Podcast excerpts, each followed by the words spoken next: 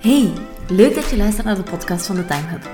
Als je graag meer tijd wil vrijmaken om al je ambitieuze plannen uit te voeren en tegelijkertijd meer rust wil ervaren in je leven, bedrijf en hoofd, dan ben je hier helemaal op de juiste plek. Mijn naam is Ellen en al jaren doe ik onderzoek naar manieren die me helpen om tijd te winnen, productiever te worden en mijn wilde plannen met een gezonde portie rust te combineren. In deze podcast deel ik mijn bevindingen, tips en hacks en vooral ook het verhaal van mijn zoektocht naar meer tijd. Hoi hoi en welkom terug bij de podcast. Ehm, in deze aflevering haal ik mijn innerlijke Maricondo boven en uh, geef ik je een hoop snelle organisatietips mee die hopelijk ook kunnen helpen om meer tijd te gaan winnen, want daar doen we het uiteindelijk allemaal voor. Hè. Ehm, waarom geef ik een aantal organisatietips mee? Omdat ik ook geloof dat als... Ja, ik geloof in de kracht van organiseren en ik geloof dat als alles uh, een plaats heeft gekregen en alles uh, netjes in orde staat, dat je daar ook ontzettend veel tijd mee kan besparen. Ik ga ineens een disclaimer meegeven. Er is een reden waarom dat ik organisatietips zo geweldig vind. En dat is omdat ik zelf gigantisch chaotisch ben. Um, en dat ik dus van nature uit niet echt de neiging heb om dit allemaal zo netjes in orde te gaan brengen. Maar toch zijn het eigenlijk zaken die mij tot nu toe absoluut wel geholpen hebben om uh, ja, alles te streamlinen, laten we het zo zeggen. Of om gewoon mijn tijd beter te gaan inrichten. Oké, hopelijk ben je er klaar voor. Let's go! De allereerste tip is om een klok in het zicht te houden wanneer je aan het werken bent. Dat zorgt ervoor dat je eigenlijk een beter besef en bewustzijn hebt van de tijd in het algemeen en waar dat je die aan het spenderen bent. Um, stel dat je bijvoorbeeld uh, om het uur een alarm wil laten afgaan of werkt met een systeem zoals een Pomodoro-timer, dan kan dat op dat vlak zeker ook helpen. Want 15 minuten op sociale media scrollen wordt ineens een serieus probleem als je zelf maar een uur voor een bepaalde taak gegeven hebt. En door dat eigenlijk te zien, geef je jezelf een schop onder de kont. De tweede, nummertje twee, label all the things. Koop jezelf een demo en go loco. Uh, nee, serieus. Ik ben hier zelf niet allerbeste in, maar ik begin wel te beseffen hoe belangrijk dat is om op alles, of toch op zoveel mogelijk dingen, een label te plakken. En beetje bij beetje lukt mij dat ook steeds beter. Uh, en wat bedoel ik met een label op dingen plakken? Uh, dat is enerzijds de fysieke dingen, dus label kabeltjes, opladers, alles wat je niet op dagdagelijkse basis nodig hebt. Label pottekes die dat je nu in de diepvriezer steekt. Label lades aan de binnenkant van je uh, kasten. Om je eraan te herinneren wat je erin hoort te steken en wat niet. Uh, alles wat ervoor kan zorgen dat je geen twee keer over iets na moet denken. Dus dat is enerzijds de fysieke zaken, maar anderzijds label zeker ook de um, digitale zaken. En daarmee bedoel ik, het simpelste voorbeeld dat ik kan geven is als je een file downloadt van het internet, dan heeft die vaak nogal een vrij bizarre naam, uh, zoals uh, een aantal letters en een aantal cijfers door elkaar. Zeker als bijvoorbeeld een CSV is of zo dat je downloadt. Wat dat betekent dat als je achteraf terug door je downloadsfolder moet gaan, dat je geen flauw benul meer hebt wat dat elk document was en dat je eigenlijk alles terug moet open doen. Um, dus het moment dat je downloadt is het eigenlijk twee seconden werk om meteen juist een titel aan het document te geven. Bespaart je later weer heel veel tijd en heel veel stress en zorgt ervoor dat je met veel meer gemak je downloadfolder uh, of je desktop, het oerwoud dat er misschien op staat, kunt gaan uitkuisen. Dus dat was tip nummer 2. Label all the things. Tip nummer 3. Geef alles een vaste plaats. Dat is opnieuw een regel die zowel voor je digitale als je fysieke dingen geldt. Zorg er vooral voor dat alles een vaste plaats heeft. Uh, bijvoorbeeld digitaal. Foto's komen altijd bij mij in een vaste folder terecht. Facturen plaats ik altijd daar. Notities neem ik altijd in die applicatie. Taken plaats ik daar.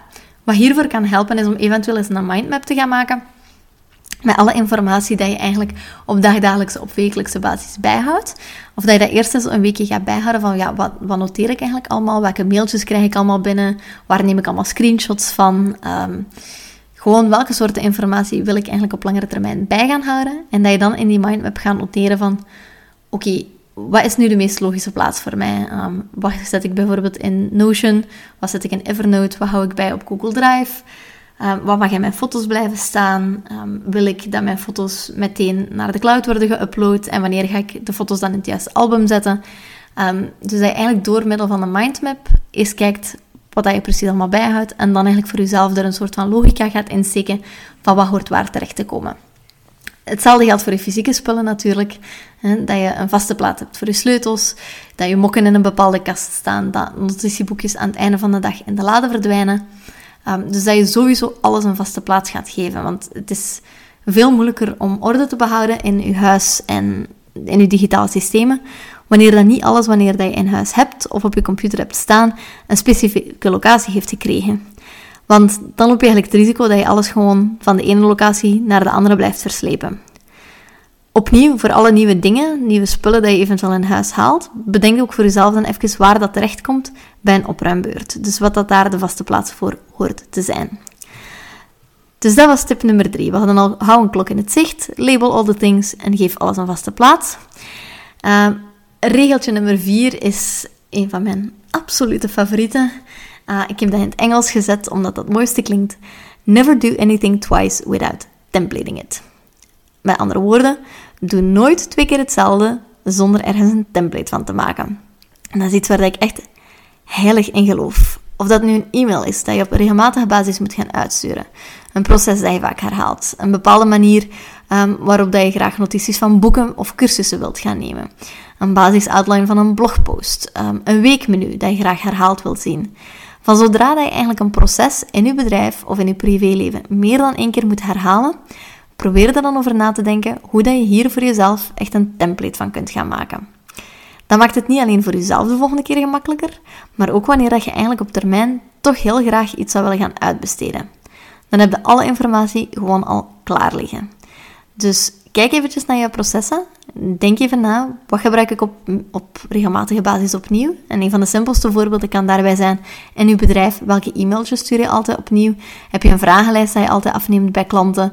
Um, heb je een bepaald proces dat je altijd via mail uitlegt? Heb je misschien een bepaalde video um, dat je voor verschillende klanten meerdere keer opnieuw moet maken? Kijk eventjes heel helder naar alle processen die dat je hebt en kijk waar dat je eventueel iets zou kunnen um, gaan, ja, een template van gaan maken. Ik wou templificeren zeggen, dat is niet echt een woord, maar wat, you get what I mean. Alright, tip nummer 5 is om te gaan zorgen voor checklistjes. En die hangt eigenlijk nauw samen met de vorige, maar is toch dat, dat tikkeltje anders. Um, een template is eigenlijk iets wat je gewoon gemakkelijk kan dupliceren. Een checklistje is eigenlijk een lijst aan items um, dat je kan gaan afvinken. Of dat je nu een lijstjespersoon bent of niet, je hebt lijstjes nodig in je leven. Opnieuw omdat je hoofd een waardeloos kantoor is. En hoe meer checklistjes dat je voor jezelf kan maken, hoe minder uh, dat je op je hoofd moet gaan vertrouwen en hoe kleiner de kans is dat je iets vergeet. Ik geef eventjes twee voorbeelden, eentje business, eentje privé. Um, ik geef vrij regelmatig webinars um, in mijn bedrijf. En dan zou je denken dat je op den duur wel een beetje weet wat er precies allemaal bij een webinar komt kijken. dus je maakt je inschrijvingspagina aan, je maakt een visual voor je inschrijvingspagina. Um, allemaal zaken die op zich, als je het webinar aan het aanmaken bent, die vrij vlot verlopen. En op zich geeft het tool jezelf ook wel redelijk duidelijk aan wat er precies voor nodig is. En toch kan ik u garanderen dat elke keer opnieuw, als er een webinar gaat starten van mij, dat ik in paniek ga kijken naar de replay of dat ik die wel heb aangezet. En het is ook al vrij regelmatig voorgevallen dat ik de replay effectief niet heb aangezet. Dus in dat geval raad ik u ook weer aan, maak gewoon een stappenlijstje. Zelfs al is het een proces dat je duizend en één keer herhaalt, maakt niet uit. Dan leg je gewoon je stappenlijstje ernaast, zodat je altijd kunt gaan aftoetsen, heb ik alle stappen hiervoor uitgevoerd. Um, omdat de kans, ja, het geeft gewoon zoveel rust om dat op die manier te doen. Het andere checklijstje, en dat is een beetje een klassieker, dat je misschien al gebruikt, maar misschien ook nog niet.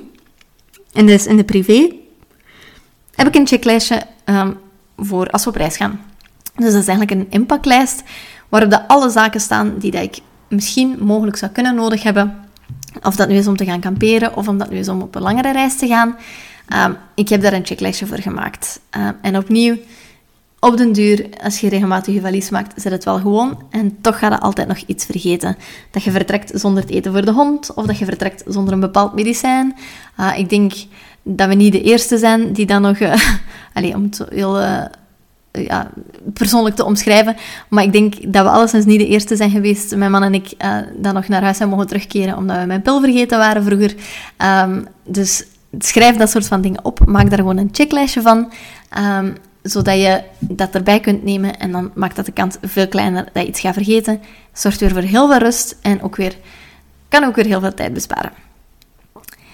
De laatste tip uh, die ik wil meegeven is om een 10-minute clean-up te gaan doen. Um, opnieuw, als je een beetje zoals ik bent, ik, ik ben niet heel ordelijk, ik ben niet heel netjes. Uh, ik heb nogal de neiging om dingen heel vaak rond te laten slingeren, tot op het punt dat ik zeg, nu ben ik het beu, nu moet alles langs de kant en nu ga ik alles opruimen.